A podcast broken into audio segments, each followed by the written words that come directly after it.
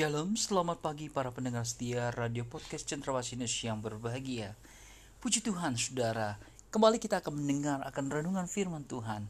Saya percaya melalui renungan firman Tuhan, Anda diberkati Tuhan.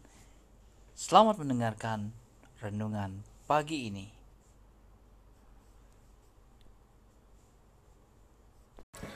Halo, shalom. Tidak pernah bosan? Kita selalu rindu untuk mendengarkan radio podcast kita. Pastinya saudara diberkati, saya diberkati, dan selalu diberkati. Saya akan melanjutkan uh, firman yang kemarin tentang kecemasan. Ya, ada empat episode. Ini adalah episode yang kedua. Jadi kalau saudara belum dengar yang pertama, ingat bisa dibuka lagi podcastnya. Kita dengarkan apa yang pertama. Kita akan lihat di dalam uh, Lukas 12 ayat yang ke-24. Perhatikanlah burung-burung gagak yang tidak menabur dan tidak menuai, tidak mempunyai gudang atau lumbung, namun demikian diberi makan oleh Allah. Betapa jauhnya kamu melebihi burung-burung itu. Nah, saudara, ayat ini sebenarnya mengintegrasi kita.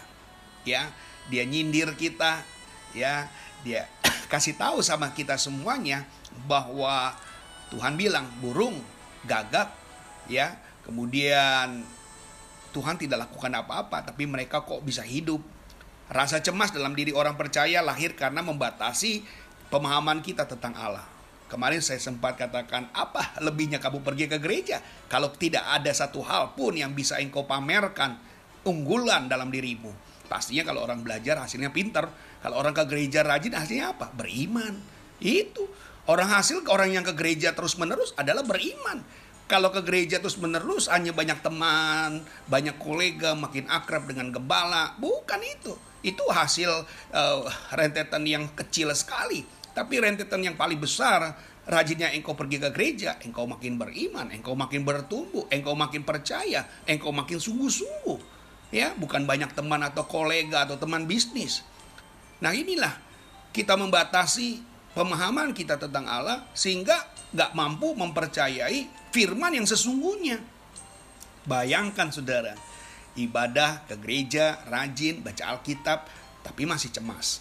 Ke gereja, rajin, baca renungkan, renungan, nggak pernah tertinggal, ikut webinar, ikut juminar, ikut KKA, ikut apa saja tapi gitu-gitu aja, gitu-gitu aja. Saudara-saudara, kita bukanlah orang-orang bodoh yang dikasih tugas lalu kita tidak kerjakan. Pastinya kita akan melakukan tugas panggilan kita sebagai orang percaya. Orang yang kerja makin lari, makin lama, pasti sudah tuntut untuk orang itu pinter. Nggak perlu diajar-ajarkan lagi. Ya kan? Kalau sudah lihat, kamu ini masa satu tambah satu udah kelas 5, nggak mungkin lagi. Itu bukan levelnya dia lagi satu tambah satu itu level waktu dia TK ataupun SD kelas 1. Setelah itu saudara akan kasih nilai yang lebih tinggi supaya dia bisa mampu. Maka akan ada jawaban saudara kalau dia masih belum bisa satu tambah satu itu berapa. Saudara akan bilang begini, di sekolah ngapain aja. Sama kayak kita. Kalau kita uh, tidak pernah mampu beriman ke gereja udah puluhan tahun, ke gereja sudah belasan tahun, atau gereja sudah tahunan, tapi nggak pernah punya iman, ngapain aja di gereja? Ngapain aja di gereja? Ngapain aja di gereja? Nah, saudara-saudara yang kasih dalam Tuhan, Yesus mengajarkan bahwa kita tidak diciptakan hanya untuk bertahan hidup secara jasmani. Yang tadi dikatakan Lukas 12 ayat 22 kemarin. Yesus berkata, karena aku berkata kepadamu, janganlah khawatir akan hidupmu, akan apa yang hendak kamu makan, dan janganlah khawatir pula dengan akan tubuhmu, dengan apa yang hendak kamu pakai. Jadi, ada tujuan mulia yang ditetapkan untuk digenapi sampai seluruh rencana dan prioritas Allah akan tergenapi dalam kehidupan saudara dan saya, maka ia sudah berjanji akan memenuhi.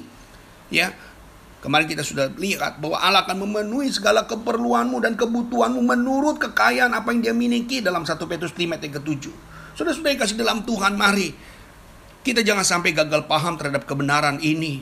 Jangan sampai kita gagal fokus dengan akan kebenaran yang Tuhan sudah ajarkan dalam kehidupan kita karena kita terlalu diliputi dengan rasa cemas, diliputi dengan rasa ketakutan. Bayangkan, dia tidak lagi hidup dan jadi normal, saudara. Dia hidup selalu dalam ketakutan, dia hidup selalu dalam kebimbangan, dia hidup selalu di dalam kecemasan. Memahami penyediaan Allah dimulai dari keyakinan kita, segala yang dimiliki berasal dari Allah. Bisa datang dari hasil kerja kita karena kita rajin menabung, kerajinan kita, keteguhan kita dalam mengelola talenta, kreativitas kita, latihan-latihan kita lakukan. Ya kalau kita anak-anak saya mungkin uh, waktu itu mungkin nggak tahu bahwa menjual kue itu akan membawa keuntungan. Ternyata dia berusaha, ternyata berhasil saudara.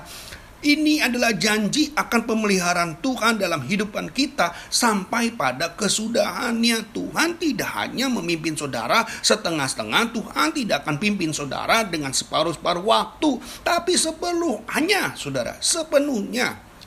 Yesus pakai ilustrasi tentang burung gagak yang tidak menanam, tidak menuai, tidak memiliki lumbung. Dia kalau kita lihat ini tidak memiliki rohani nilai dalam rohani dia, tapi Allah pelihara burung gagak. Ya, bagaimana dengan kita? Nilai kita ini jauh lebih baik, saudara. Nilai kita jauh lebih tinggi, lebih mahal.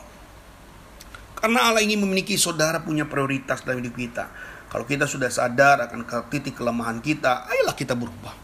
Kalau kita sadar dengan titik kelemahan kita, ayolah kita berubah, saudara. Bukan sekedar sadar tapi tidak mau berubah. Bukan sekedar berubah tapi tidak mau sadar-sadar. Berubahnya cuma sesaat saja dengan firman Tuhan. Berubah tapi setelah kedegak keluar dari firman Tuhan itu tidak lagi berubah. Begitu-gitu lagi. Begitu-gitu lagi. Nah sudah-sudah dikasih dalam Tuhan. Mari kita mengambil langkah yang tepat untuk kita mengambil sebuah respon yang Tuhan serahkan dalam kehidupan kita. Jangan sia-siakan hidup ini Buatlah nilai yang berarti supaya akan menjadi cerita bagi anak cucu kita bahwa kita adalah pahlawan-pahlawan iman yang tidak pernah takut dalam kehidupan. Kalau dulu Tuhan, hidupmu mungkin jauh lebih berkurang, jauh lebih buruk ya hidupmu. Tetapi Tuhan pelihara. Why kenapa sekarang engkau menjadi takut? Why kenapa sekarang kamu menjadi ragu? Percayalah hidupmu bukan karena engkau tapi karena Tuhan. Jadi membangun keyakinan membuat tidak ada ruang cemas, tidak ada bilik-bilik kecemasan dalam diri kita. Katakan, tidak ada bilik-bilik kecemasan dan ketakutan dalam diri kita. Harus kita punya ruang yang percaya. Ruang Tuhan yang membuat kita beriman. Nah ini yang saudara mulai. Saudara-saudara yang kasih dalam Tuhan, hidup ini sementara. Nilai apa yang engkau harus tampilkan saat saudara saat ini sedang berjuang? Nilai apa yang saudara lakukan? Pada saat saudara saat ini mencari Tuhan, mendengar firman Tuhan, apa yang sudah sudah dapatkan? Bukankah Tuhan sudah mengingatkan pada kita? Ada banyak hal yang bisa engkau lakukan, tetapi untuk menjadi percaya tidak menjadi mudah. Saudara-saudara yang kasih dalam Tuhan, langkah demi langkah harus kita yakinkan. Harus kita mulai cemas keluar dari zona-zona nyamanmu yang selama ini kau hanya melihat orang lain. Bukankah engkau akan menjadi tokoh yang melaksanakannya juga? Bukankah engkau kalau engkau nonton film Spider-Man lalu sudah berpikir bagaimana ya kalau saya seperti dia? Nah kenapa kalau kita dengar firman Tuhan, kenapa nggak berpikir saya mau seperti Yesus? Jadi kalau ada tokoh-tokoh di ya saya suka lihat ya dalam soundtrack-soundtrack yang ada di Instagram tentang film-film yang saat ini beredar ya. Saya jujur saya tidak suka nonton di bioskop ya saudara ya. Dan saudara lihat bagaimana mereka menjadi peran tokoh hebat dan mereka bisa menjadi superior. Lalu terpikir saya bagaimana kalau saya seperti dia ya wah mungkin saya akan lakukan ini juga, saya akan lakukan dan berbuat ini juga. Nah, kalau kita tonton TV atau tonton film, kita mau seperti tokoh utama, kenapa kita nggak pernah pingin seperti tokoh utama yang ada dalam Alkitab yang setiap minggu kita dengar firman Tuhan?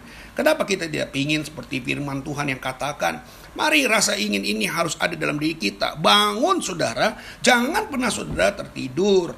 Iman saudara harus bertumbuh, iman saudara harus bangkit. Dan itulah harapan saya kalau saudara hari ini ada teman-teman saudara yang sudah jadi orang percaya uh, Kristen tetapi tidak lagi eh, sungguh-sungguh atau masih hidup dalam ketakutan, kecemasan, bagi pokes ini bilang lo denger ini supaya lo berubah. Lo denger ini, lo ke gereja makin lama makin lama tapi lo nggak pernah berubah, nggak pernah seperti tokonya Yesus. Ayo ajak dia berubah. Saya senang, saudara senang, Tuhan pun bahagia. Itu saja yang saya boleh bagikan kepada saudara-saudara semuanya. Kiranya jadi berkat buat kita selalu dan Tuhan Yesus pasti pasti pasti memberkati. Shalom.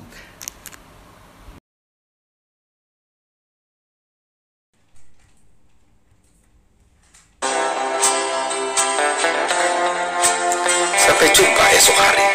Kiranya damai sejahtera dari Allah Bapa, kecintaan dan kasih karunia Tuhan kita Yesus Kristus, persekutuan serta penghiburan Nero Kudus menyertai kita sekalian mulai hari ini sampai Maranatha Tuhan Yesus datang.